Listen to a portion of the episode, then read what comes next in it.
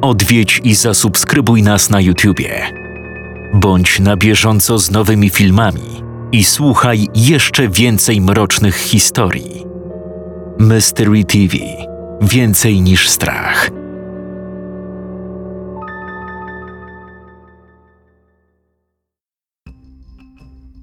Komisarz Antczak wraz z Magdą bez słów wpatrywali się w ekran komputera. Adam był pewien, że nagranie przyniesione przez prywatnego detektywa może stanowić przełom w śledztwie. Na niewielkim parkingu za stacją benzynową stały cztery pojazdy: czerwony Opel, dwa czarne suwy i jasna furgonetka. Niemal identyczna jak ta, którą kilka dni wcześniej uprowadzono Marcela. Wirska wyciągnęła nawet zdjęcie samochodu porywaczy, by rozwiać wszelkie wątpliwości. Jasna cholera. To ten sam wóz. Nawet na tym nagraniu nie ma tablic. Proszę oglądać dalej. Polecił detektyw Wyręba siedzący naprzeciwko Adama z założonymi rękami. Antczak powiększył nieco obraz, mając nadzieję, że uda się w ten sposób zobaczyć kierowcę. Jednak nic to nie dało, bo furgonetka stała zbyt daleko. Mimo wszystko widać było za kierownicą czyjąś niewyraźną sylwetkę. Nagle na stację wjechała wielka cysterna, zasłaniając całkowicie parking, a co za tym idzie, również furgonetkę. Cholera, nie widać furgonetki, rzuciła Wirska. Niech pan teraz przewinie jakieś pięć minut do przodu. Cysterna stała tak jakieś pięć minut, potem przejechała w inne miejsce. Adam zgodnie z poleceniem przewinął kilka minut do przodu. Cysterna przejechała w pobliże dystrybutora, odsłaniając parking. Niech to szlak. Nie ma jej. Po furgonetce nie ma śladu. Czyli samochód stał w pobliżu szkoły, do której chodziła zaginiona Bianka i zniknął dokładnie w tym czasie, w którym dziewczynka wychodziła ze szkoły, rzekła Magdalena. Po tym jak wyszła ze szkoły, słuch po niej zaginął. A trzy lata później tą samą furgonetką ktoś porywa trzynastoletniego chłopca w sąsiedniej miejscowości, którego po trzech dniach znajdujemy martwego. Co? Jak to martwego? spytał detektyw podnosząc się z fotela. Antczak i Magda spojrzeli po sobie. Wczoraj wieczorem znaleźliśmy ciało uprowadzonego w piątek chłopca. Matko Boska, ale niestety to nie wszystko. W pobliżu natrafiliśmy na jeszcze dwa ciała. Boże, nie. Czyli znaleźliście ją? Po trzech latach znaleźliście ciało mojej siostrzenicy? Nie możemy teraz tego potwierdzić. Muszą wykazać to badania. W końcu minęło dużo czasu i. Zresztą sam pan rozumie. Naoczna identyfikacja nie wchodzi w grę. Czyli znaleźliście ciała trójki dzieci. A wiadomo chociaż jak zginęły? Boże. Mam nadzieję, że Bianka nie cierpiała. Niestety, nie znamy jeszcze żadnych szczegółów. Poza tym, i tak nie moglibyśmy teraz panu niczego zdradzić. Adamowi zadzwonił telefon. Spojrzał na ekran smartfona i zobaczył numer. To znajomy numer. Numer ze szkoły Franka. Przepraszam, muszę odebrać. Powiedział, wychodząc na korytarz. Będzie musiał dać nam pan namiary na swoją siostrę, powiedziała po chwili Magda. Niestety, to niemożliwe. Siostra popełniła samobójstwo pół roku temu. Zostawiła list, w którym napisała, że nie wierzy już w odnalezienie Bianki żywej, więc jej dalsze życie nie ma sensu. Bardzo mi przykro. Czyli z rodziny dziewczynki nie ma już nikogo, z kim moglibyśmy porozmawiać? Niestety. Jestem ostatnią żyjącą osobą z tej rodziny.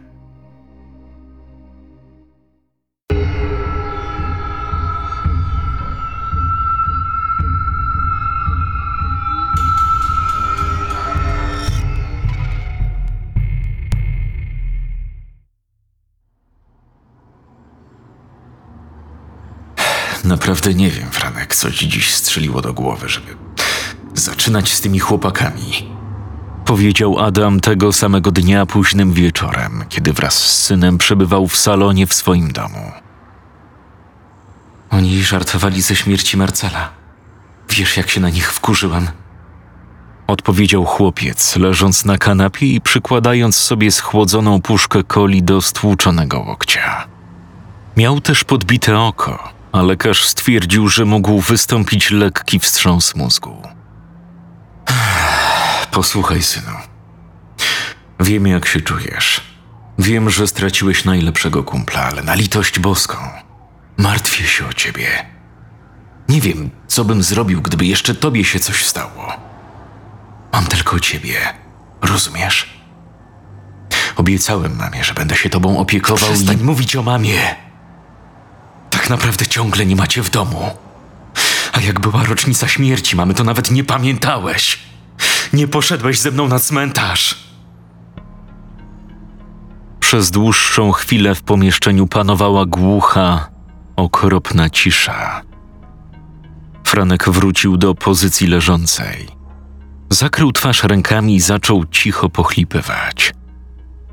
Adam już chciał odwrócić się z powrotem do komputera. Końcu jego syn był teraz w tym trudnym, buntowniczym wieku, ale wiedział, że Franek ma rację. Podszedł do wersalki i usiadł obok chłopca.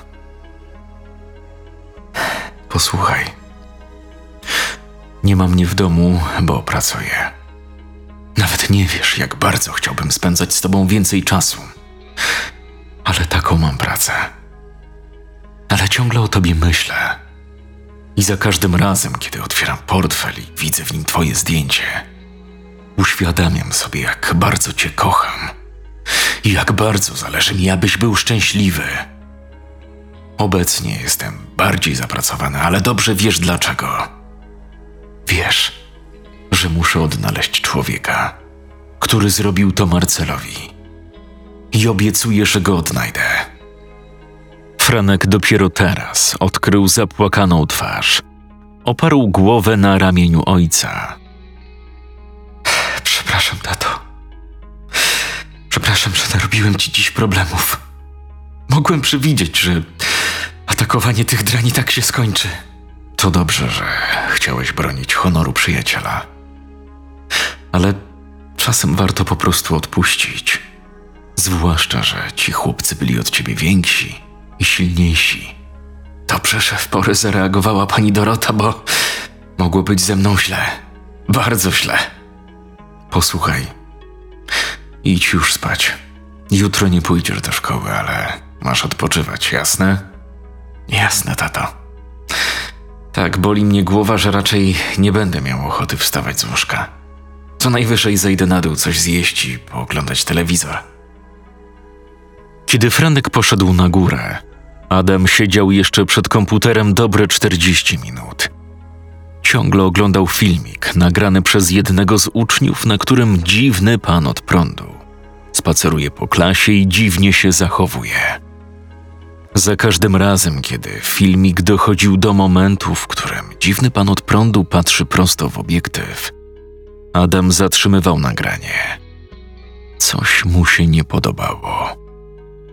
Zastanawiał się, czy mężczyzna wiedział, że jest nagrywany. Czy może był to po prostu przypadek? Jeszcze dziwniejszy był ten wzrok. W spojrzeniu dziwnego pana od prądu było coś niezwykłego. Zupełnie jakby te oczy nie patrzyły w obiektyw, ale w głąb obiektywu. Adam czuł się, jakby facet z nagrania na niego patrzył. Patrzył przez ekran komputera. Nagle zadzwonił telefon. Antczak odebrał. Dzwoniła Wirska, jego partnerka. Posłuchaj, Adam, jutro jedziemy do szkoły w Piotrowicach. W jednym budynku jest podstawówka, do której chodziła Bianka, i gimnazjum, do którego chodzi obecnie większość jej koleżanek. Będzie trzeba z nimi pogadać. Jasne. Jutro pojedziemy tam z samego rana. Jest coś jeszcze. Przejrzałam akta sprawy zaginięcia Bianki sprzed trzech lat i odkryłam coś zaskakującego. No, zamieniam się w słuch. Zgadnij, kto trzy lata temu był zatrudniony w tej podstawówce jako nauczyciel historii na pół etatu.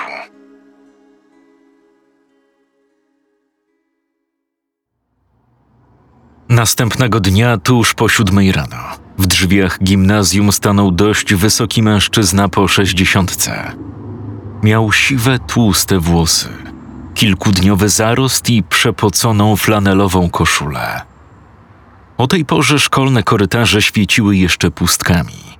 Mężczyzna przeszedł wzdłuż szatni i zatrzymał się pod schodami, słysząc za plecami czyjeś wołanie. Gienek? Gienek, a ty co tu do diabła robisz? spytał szkolny portier, podchodząc do starszego mężczyzny, który jeszcze dwa lata temu pracował w szkole jako konserwator. Szukam dyrektora. Jest u siebie. Przyjechał jakieś, o ja wiem, 20 minut temu.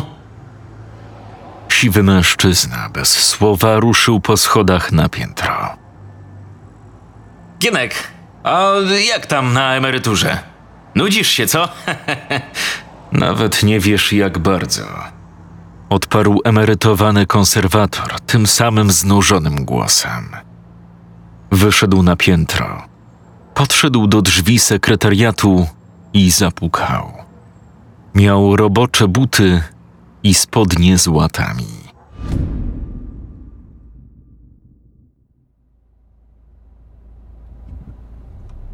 To wszystko zaczyna robić się naprawdę dziwne. Stwierdził Adam, kiedy przed dziesiątą rano jechał wraz z Magdą do szkoły, w której uczyła się zaginiona przed trzema laty Bianka. Według mnie to, że Karpacki pracował trzy lata temu w tej szkole, to zwykły przypadek. Ale myślę, że mimo wszystko powinniśmy się mu przyjrzeć.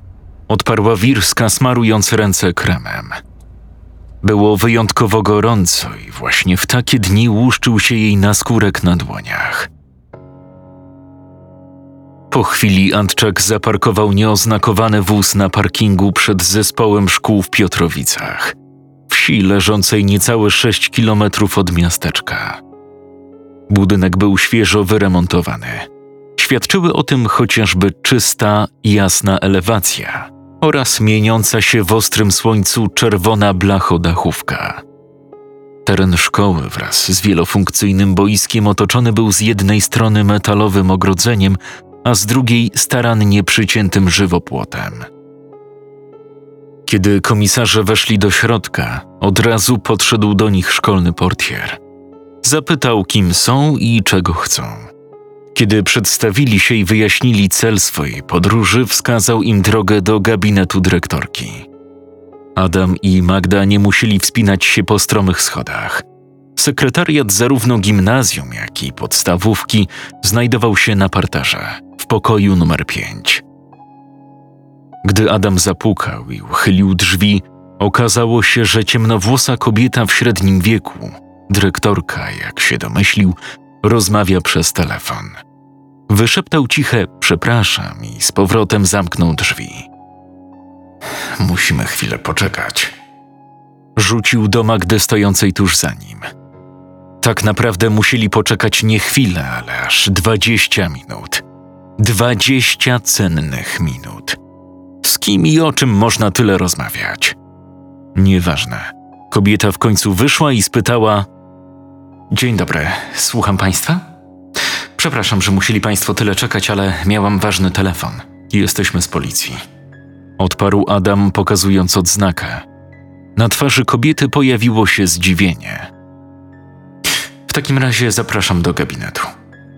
We trójkę weszli do dużego, klimatyzowanego pomieszczenia, pełnego drewnianych regałów, na szczytach których stało mnóstwo pucharów tutejszej młodzieży za przeróżne osiągnięcia w sporcie.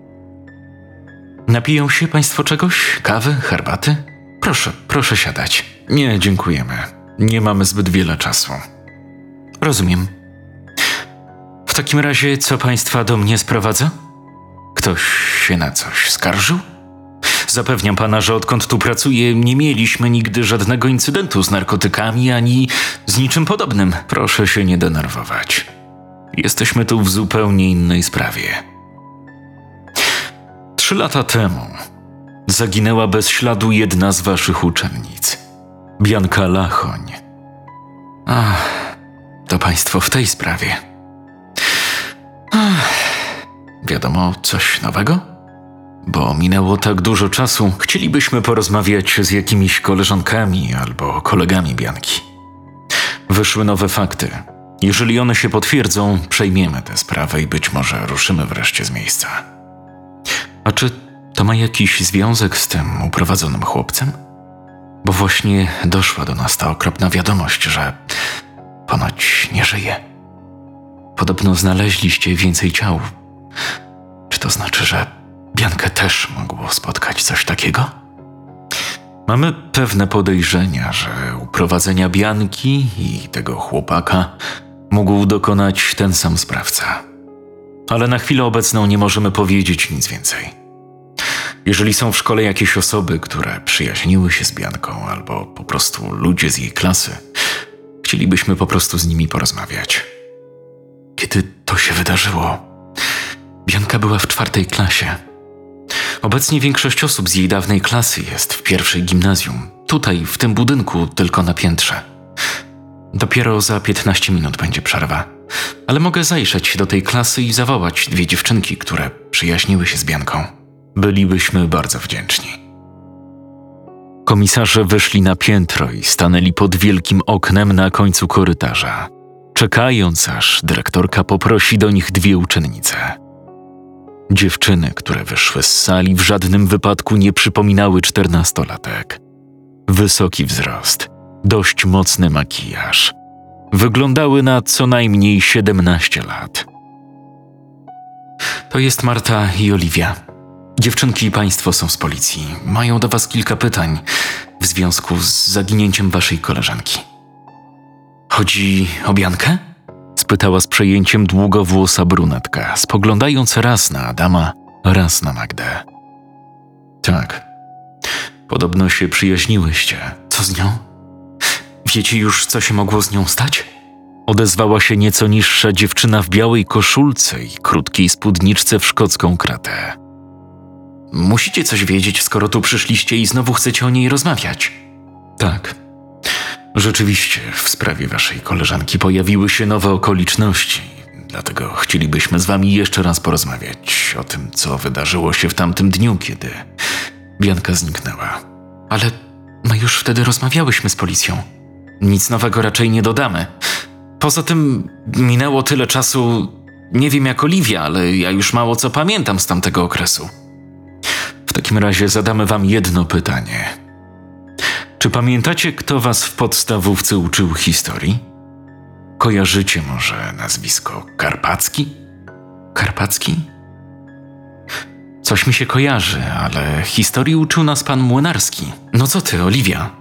Przecież Młynarski uczył nas w piątej i szóstej klasie, a w czwartej przez rok mieliśmy właśnie z Karpackim. A, faktycznie, wyleciało mi z głowy. Może dlatego, że nie znoszę historii i szybko wypieram z głowy wszystko, co mi się z nią kojarzy. Czyli to z waszą klasą pan Karpacki miał lekcję. A możecie powiedzieć coś więcej? Jaki on był? Czy lubiłyście go? Mm, Raczej tak. To był taki zwykły, typowy nauczyciel. Młynarski był na urlopie zdrowotnym i on w tamtym roku go zastępował. Mhm. Czyli twierdzicie, że w jego zachowaniu nie było nic nietypowego? No, raczej nie. Ale dlaczego o to pytacie? On ma coś wspólnego z zaginięciem Bianki? Antczak wyciągnął z kieszeni telefon. Miał w nim przygotowane zdjęcie dziwnego pana od prądu, pochodzące z filmiku nagranego komórką kolegi Franka. Spójrzcie proszę na to zdjęcie. Poznajecie może tego mężczyznę? Wyższa z dziewczyn pokręciła przecząco głową. Ta niższa wpatrywała się chwilę w fotografię, po czym odparła. "Mm, A kto to w ogóle jest? Ja go skądś kojarzę. Jesteś pewna?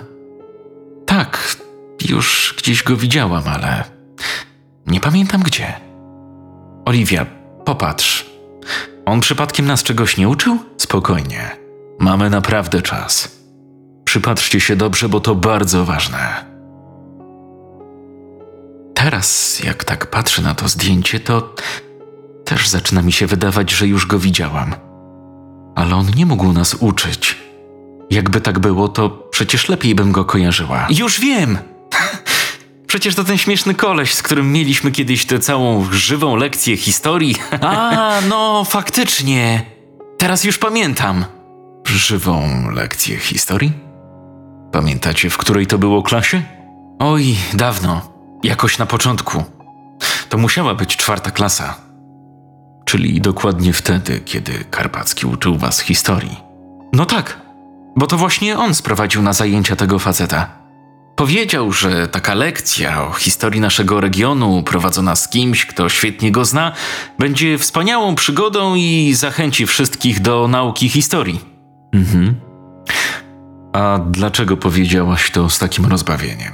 I czemu nazwałaś go śmiesznym kolesiem? No bo te zajęcia to było jakieś dno. Facet chyba w ogóle nie wiedział, co mówi. Gadał tak jakoś chaotycznie i. Co nie, Oliwia? Tak. Pamiętam, że potem cała klasa śmiała się z niego przez następne kilka tygodni. Później jakoś się o tym zapomniało. A możecie powiedzieć, jak dokładnie on się zachowywał? Zaczepiał kogoś? No, coś w tym stylu. Chodził po klasie i dziwnie się patrzył na różne osoby. A pamiętacie może, czy to było przed, czy po zaginięciu Bianki? Chyba przed. Tak, to na pewno było przed, bo to było jakoś na początku roku, a Bianka zniknęła w drugim półroczu. A pamiętasz może, czy Bianka była w tamtym dniu w szkole? Na tych zajęciach z tym człowiekiem? Nie, niestety nie pamiętam. Myślę, że tak, bo ona raczej zawsze była w szkole, ale na 100% nie powiem, po prostu nie pamiętam. Ale dlaczego pytacie o tego faceta? On ma coś wspólnego z jej zniknięciem? Tego nie wiemy. Ale myślę, że bardzo nam pomogłyście tym, co opowiedziałyście. Jakbyście sobie coś jeszcze przypomniały, to koniecznie zawiadomcie o tym wychowawcę albo panią dyrektor. My będziemy z nią w kontakcie. Dziewczyny poszły do klasy, natomiast Magda i Adam zeszli na dół, by porozmawiać jeszcze z dyrektorką.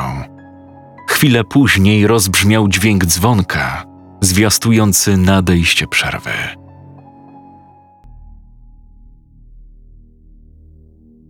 Tego samego dnia późnym wieczorem, kiedy słońce schowało się za okolicznymi wzgórzami, wydawać by się mogło, że gimnazjum, którego uczniem był Marcel, a dyrektorem i zarazem nauczycielem historii pan Karpacki jest już zupełnie puste.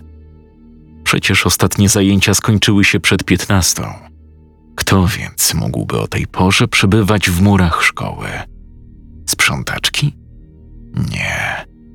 One skończyły pracę przed siedemnastą, a było sporo po dwudziestej pierwszej. Ciemne korytarze świeciły pustkami. W niektórych miejscach było całkowicie cicho, a w innych słychać było jakieś tajemnicze, upiorne dźwięki. Były to dźwięki tykania zegara albo kapania wody z niedokręconego kranu. Ale przecież kiedy jest ciemno i pusto, każdy odgłos wydaje się tajemniczy i upiorny, prawda? Tyle, że w szkole wcale nie było tak pusto. W podziemiach, w tym małym korytarzyku prowadzącym do piwnicy, znajdowały się drzwi. Były lekko uchylone, a z wnętrza pomieszczenia za nimi wydobywała się mała smuga światła. W pomieszczeniu tym, zimnym i wilgotnym, były ustawione krzesła. Na nich siedziały pewne osoby. Nagle światło zgasło. Zrobiło się ciemno, tak że widać było jedynie sylwetkę człowieka stojącego na drewnianym podejście z samego przodu. Moi drodzy, tym razem sytuacja jest naprawdę poważna. oznajmił dziwny pan od prądu, wciskając klawisz, który uruchomił rzutnik. Na białym kwadratowym płótnie wyświetliło się zdjęcie jasnowłosego chłopca, uśmiechniętego od ucha do ucha. Dzieciak nazywa się Franek Antczak. Jest uczniem tej szkoły. Jego ojciec jest policjantem.